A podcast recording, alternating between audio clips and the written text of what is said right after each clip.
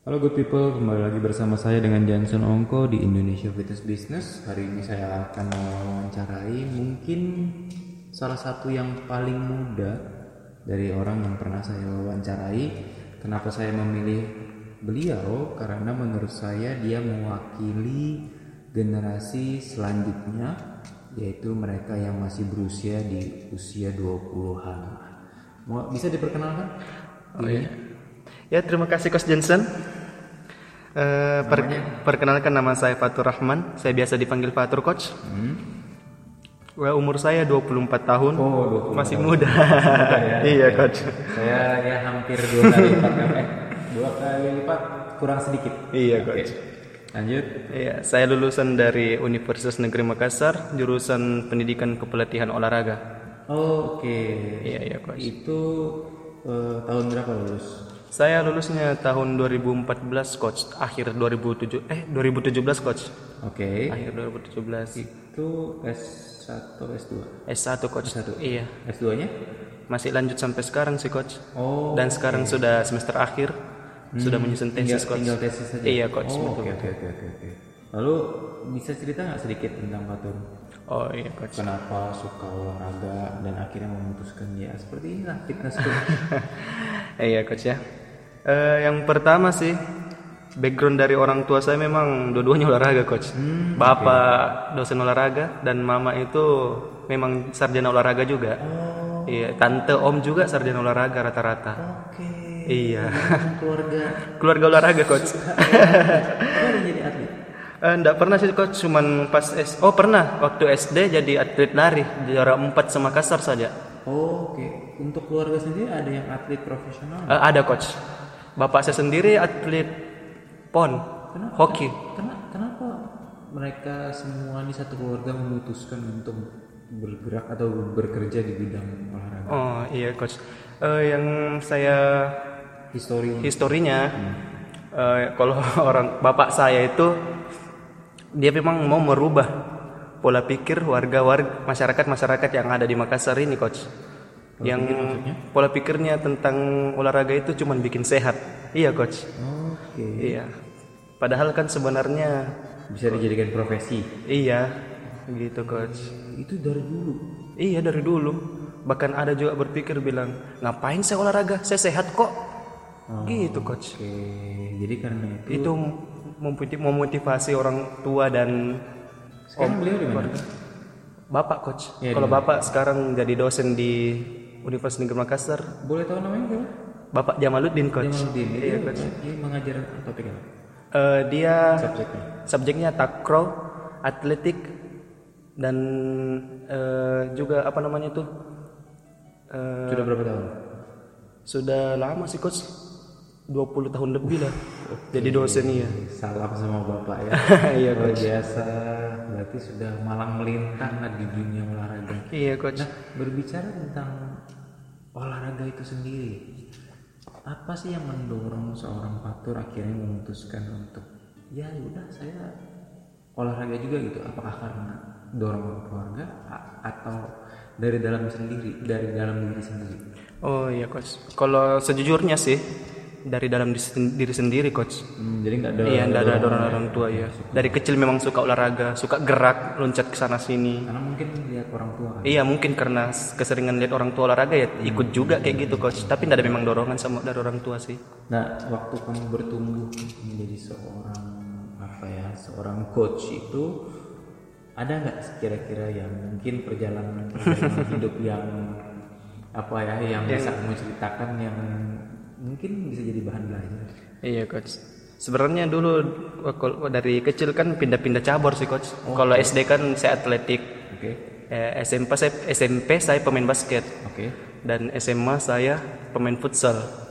Itu karena kenapa? Karena ingin Ingin iya mencari jati diri saya ada di mana ini coach. bagus. Menurut saya itu bagus karena itu yang namanya exploring ya. Ah betul coach. Exploring dimana orang kok eh, banyak yang mengatakan nih kenapa kamu nggak fokus karena seusia kamu memang tidak boleh terlalu fokus. Betul coach. untuk mencari olahraga yang benar-benar kamu sukai. Nah, tapi kenapa berakhir di fitness ya? Ah itu dia coach. Oke, mari Pada- kita dengarkan.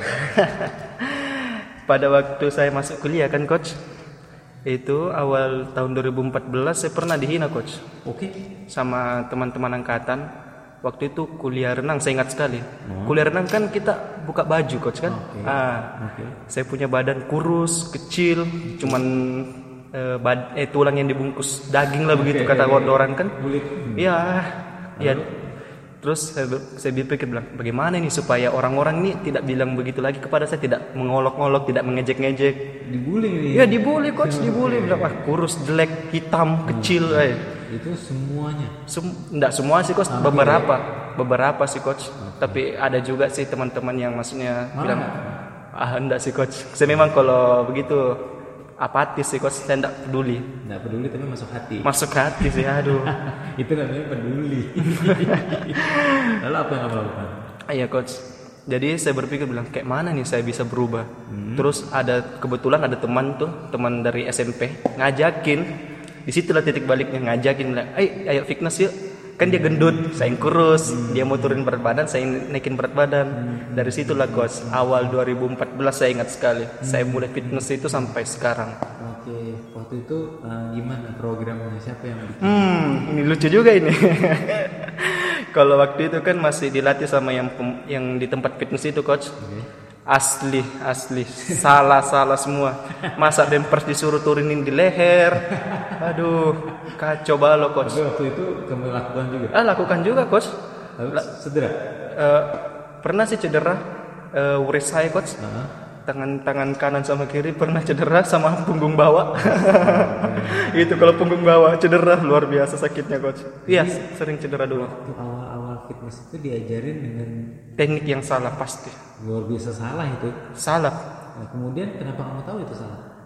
karena saya buka googling lagi coach saya cari sendiri kayak mana ini gerakan-gerakan yang benar ternyata ya gerakan di tempat fitness saya itu ternyata salah-salah tapi saya tidak tegur juga coach Nah, itu kan karena mereka tidak tahu. iya Tapi ada rasa kecewa juga ya. Eh, pastilah coach jadi saya cuma lakukan gerakan yang menurut saya benar terus dia koreksi bilang itu salah gerakan ini yang benar padahal mereka yang salah jadi ya diam aja coach oleh iya saya cuma mau gerakan ini aja Pak, Le." saya bilang gitu sama mereka Senior. Iya senior sih coach, sudah lama di situ. Kemudian apa yang terjadi? Hmm, ya gitulah coach. Saya di- biasa dikucilkan tempat fitness karena dikiranya bilang melawan melawan kayak gitu. Iya gitu coach. Tapi ujung-ujungnya kan saya juga jadi di sana. Besar juga badan saya di sana. Jadi setelah di- dikoreksi kamu tidak terima, Ah, dikucilkan. iya dikucilkan. Nggak terima iya coach. Sampai segitunya ya. Eh, Itu tempat fitness pertama saya coach yang membuat saya apa namanya tidak berpikir bilang dunia indus- industri kebugaran ini bisa menjanjikan itu karena tempat pertama saya itu tutup bangkrut Oh, Oke, karena sepi mungkin. ya. sepi Nah, apa yang terjadi? Eh, ya saya pindah ke tempat yang lain Bukan yang gym pertama itu kenapa dia sampai tutup? Eh, karena itulah coach dia tekan kos Tekan kos. Ya tekan kos dan dia berpikir bilang eh apa namanya buat bisnis yang lain lah Oh, begitu karena dia bilang tidak bisa mi dilanjutkan lagi nih anunya eh, bisnisnya yang ini yang fitness karena memang sudah minus mungkin anunya kok saya tidak tahu juga tapi intinya gitu tampaknya memang bukan passion owner juga ya. Ah, mungkin sih kos kalau saya lihat Tempat kedua gimana? tempat kedua sih awal awalnya rame Oke, sama-sama sama kayak gini oke. tapi lama-lama ya sepi lagi saya berpikir bilang eh nggak usah lah buat anu ah, fitness center saya pernah berpikir untuk buat fitness center juga sih so, coach, coach. tapi ya setelah melihat kejadian dua ini ya saya berpikir bilang eh industri ini tidak menjanjikan Apa yang terjadi di tempat yang kedua? sama sama juga kasusnya makin makin sepi makin sepi makin sepi dan sekarang saya tidak tahu juga sekarang tapi Ya, kamu yang terakhir lihat, kamu lihat nggak kenapa bisa makin sepi makin sepi? mungkin manajemennya coach gitu-gitu aja terus dan juga alat-alatnya kayak tidak mendukung coach di situ karena murah juga anunya mungkin juga anunya coach eh, harganya yang terlalu murah Harga terlalu Murah dan- sehingga tidak menutup kos gitu. iya dan tidak dan sudah jarang juga anunya eh, membernya yang mau datang Pernah nggak kira-kira kamu selidiki kenapa sih bisa suatu tempat fitness itu sepi? Eh, enggak sih coach saya enggak pernah selidiki Feeling kamu? Feeling yang kamu lihat yang kamu rasakan di dua tempat itu? Hmm, apa ya? Mungkin karena apa namanya kesadaran membernya mungkin saya tidak tahu juga coach sebenarnya saya tidak tahu kenapa gitu ya. iya pokok tutup aja saya jadi saya berpikir bilang ah industri ini tidak menjanjikan Oh, jadi PNS saja ah kayak gitu pikiran saya akhirnya iya jadi tujuan utama PNS lagi setelah itu kamu pindah kemana Eh, saya ndak saya ndak saya beli dumbbell dan latihan di rumah Oh, oke Iya. home training ya home training oke oke oke nah ini kan kamu s- kita didik nih di Iya, Fitness Embassy dan melihat uh, bahwa di industri kebugaran Indonesia itu ternyata luar biasa lah Ah, perkembangannya. betul, apa yang kamu sadari dan kamu sayangkan di Makassar itu sendiri Hmm, kalau yang pertama yang saya sadari setelah bertemu Coach Jensen nih, setelah dia membuka pikiran saya tentang industri ini, saya lihat semua orang-orangnya yang di Apki di bawah di bawah anak ya, Apki itu luar biasa semua orangnya saya lihat coach saya di, lihat di Instagram apa saya selidiki latar belakangnya orangnya luar biasa bilang eh saya dalam hati bilang "Bis- saya pasti bisa kayak mereka karena saya memiliki ya mentor yang luar biasa juga coach Jensen saya pikir ya coach ya jadi saya berpikir bilang "Ah, saya memiliki masa depan yang cerah di sini saya bisa berkembang apa yang kamu lihat apa yang kamu sayangkan di Makassar nih coach ya.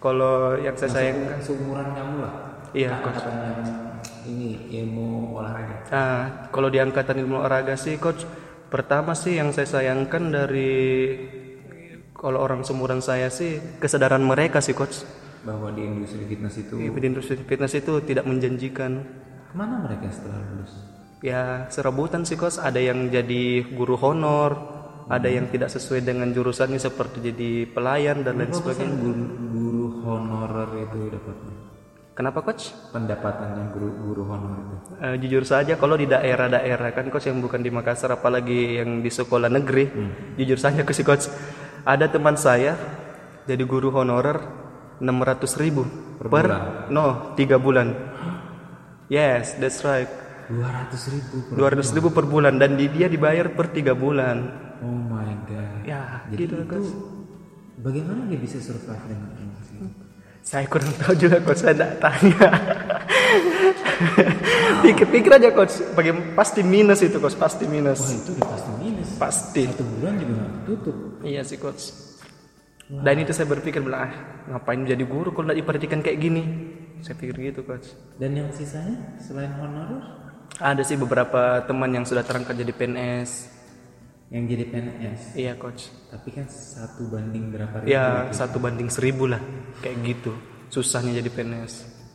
yang 999 nya bagaimana tuh Ada yang nganggur, ada yang cuma nongki-nongki. Walau alam saya tidak tahu juga coach. Tapi kebanyakan sih rata-rata ya jadi guru honorer dan jadi kasir. belum ket- ket- ketemu saya lah masa ketemu fitness embassy kan Iya coach. Eh, katanya jadi kasarnya membeban lah ke orang tua itu maksudnya apa tuh Oh iya. Itu waktu lulus kuliah kan coach yang S1 padahal IPK kamu tuh luar biasa loh maksudnya hampir 4 lah kasarnya Ah, iya sih coach. Kan saya memiliki dulu pikiran yang apatis coach. saya memiliki eh, pikiran bilang ah apaan sih sekitar saya ini yang penting saya happy. Gitu aja coach. Jadi yang saya kerjakan cuman minta uang orang tua, habisin uang orang tua, main game seharian sambil sambil non- nonton movie kalau ada waktu luang. Kadang sih olahraga juga. Itu aja coach diulang-ulang setiap hari. Mama ada rasa menyesal nggak? kalau sekarang sih menyesal sekali coach ngapain aku kayak gitu dulu. Nggak kerja lah, nggak, nggak belajar. orang tua bilang apa Orang tua juga salah, kenapa mereka nggak tegur saya waktu itu. Dia biarkan aja kayak gitu coach. Mungkin karena bilang, eh, nggak apa-apa lah. ada prosesnya Iya mungkin ah nggak tahu lah coach. kalau saya lihat sih memang bukan dibiarkan tapi memang yang namanya turning point itu kan kamu yang cari Iya betul coach. jadi kalau biasanya orang tua yang keras malah semakin berontak anaknya Oh iya, nah sekarang kamu kan menyesal menyadari bahwa itu Ah, salah salah. dan apa yang akan kamu lakukan nih setelah ini Eh, iya coach. Yang s- pikiran saya ke depan ini cuma satu coach. Ingin berkembang di industri fitness ini sebagai fitness trainer yang berkualitas. Tetap belajar terus, belajar terus, belajar terus itu saya yang kerjakan sekarang coach. I, motivasi saya makin meningkat karena ya gitulah saya punya mentor yang dan kamu lihat sekelilingmu loh ah luar biasa semua coach. yang di bawah Apki, yang dari fitness fitness trainer Iya. yang di Bali, di Surabaya, di Jakarta luar biasa semua coach, luar biasa. ternyata Hmm. industrinya sama playernya orang-orang di dalamnya Ini Eh, pro semua coach pro semua tidak seperti yang saya bayangkan di pinggir-pinggir jalan cuman bantuin ngangkat sedikit terus menghitungin repetisi gitu aja kira enggak ternyata yang s- itu lagi cuman seminggu saya di sini belajar luar biasa ilmunya coach luar biasa melebihi dari waktu saya di ya. kampus yang 4 tahun kayak nggak ada gunanya saya rasa sering tragis tragis di sistem di tapi sana ya itulah apa yang saya lihat juga bahwa bukannya hmm, ini yang buruk sistemnya tetapi kebanyakan ini maaf kata karena, Iya, coach. eh, ayah kamu juga dosen itu jarang sekali ada yang mau upgrade ilmunya dengan kemajuan zaman Cak. oh iya coach betul juga betul saya juga begitu dulu coach kenapa apa yang kamu pikirkan Ya saya menyesal aja tidak memperkembangkan diri saya waktu itu. Saya cuma menghabiskan waktu saya untuk kesenangan pribadi saya. Mungkin itu juga saya penyesalan saya coach. Betul. semua semua orang punya fase-fase atau masa-masa di mana tidak produktif ya. Ah betul coach. Jadi kamu Saya jangan pernah. don't be too hard to yourself, jangan terlalu dipikirkan karena saat ini kamu sudah di di arah yang benar. Ah iya coach. Yang penting itu. Nah, tujuan kamu selain belajar terus nih, Iya coach. kira-kira apa lagi? Ada nggak long term sama short term goal kamu? Kalau Short term goal kan belajar tuh. iya coach. Nah, jangka panjangnya Apa ya? Saya tidak tahu juga sih coach. Yang saya pikirkan sekarang ini menjadi fitness trainer yang pro aja. pro aja ya. Iya itu aja sih jangka panjang. Tapi kalau saya lihat posisi kamu kan sekarang kamu adalah secerca harapan nih di industri kebugaran eh, Makassar. Nah menurut kamu apa yang akan kamu lakukan seandainya atau saat kamu sudah bisa dianggap pro? Wah iya. Seperti yang yang coach Jensen selalu ajarkan itu berbagi coach. Pastinya. Apalagi sistemnya pay it forward ya. Pay it forward. Ah ya. Oh, paham itu artinya. Eh, Iyalah coach. berbagi coach. bagus bagus bagus bagus bagus. Yaudah eh, intinya ada nggak kira-kira pesan ke teman-teman kamu yang seumur kamu kira-kira? Oh, kalau teman-teman seumuran saya sih yang apalagi yang khususnya sih teman-teman saya yang jurusan olahraga berpikir luas lah. Jangan cuma berpikir di situ-situ aja. Jangan cuma berpikir bilang kalau kita jadi PNS akan jadi makmur. Jangan, jangan. Masih banyak lapangan di luar sana yang menjanjikan seperti ya ini fitness trainer sangat menjanjikan juga. Tidak ada yang menyangka ya. Tidak ada menyangka, saya tidak nyangka sama, sama sekali bilang kayak gini. Makanya tapi banyak yang masih bilang PNS itu adalah harapan satu-satunya. Iya, Karena apabila dibandingkan dengan pekerjaan lain, contohnya bukan berarti guru honorer itu tidak baik, tapi untuk kesejahteraan finansial untuk masa depan itu akan sangat sulit. iya coach Ada betul-betul. nggak saran kamu untuk mereka yang let's say tidak bisa menjadi PNS? ya jangan berkecil hati sih itu aja terus terus leber- belajar dan berusaha Memang intinya eh, harus diperkenalkan ya industri kebugaran iya coach harus harus tapi harus ada contohnya juga sih Nah, siap jadi contohnya? siap coach siap Oke. kalau ada sewaktu kalau waktu tiba ya siap coach pasti siap Nah, tadi kan pesan untuk teman-teman, untuk warga Makassar sendiri. oh iya warga Makassar jangan terlalu sempit lah pikirannya warga Makassar iya Ih, kok orang Makassar ngomong gitu, kok orang Makassar maksudnya apa tuh?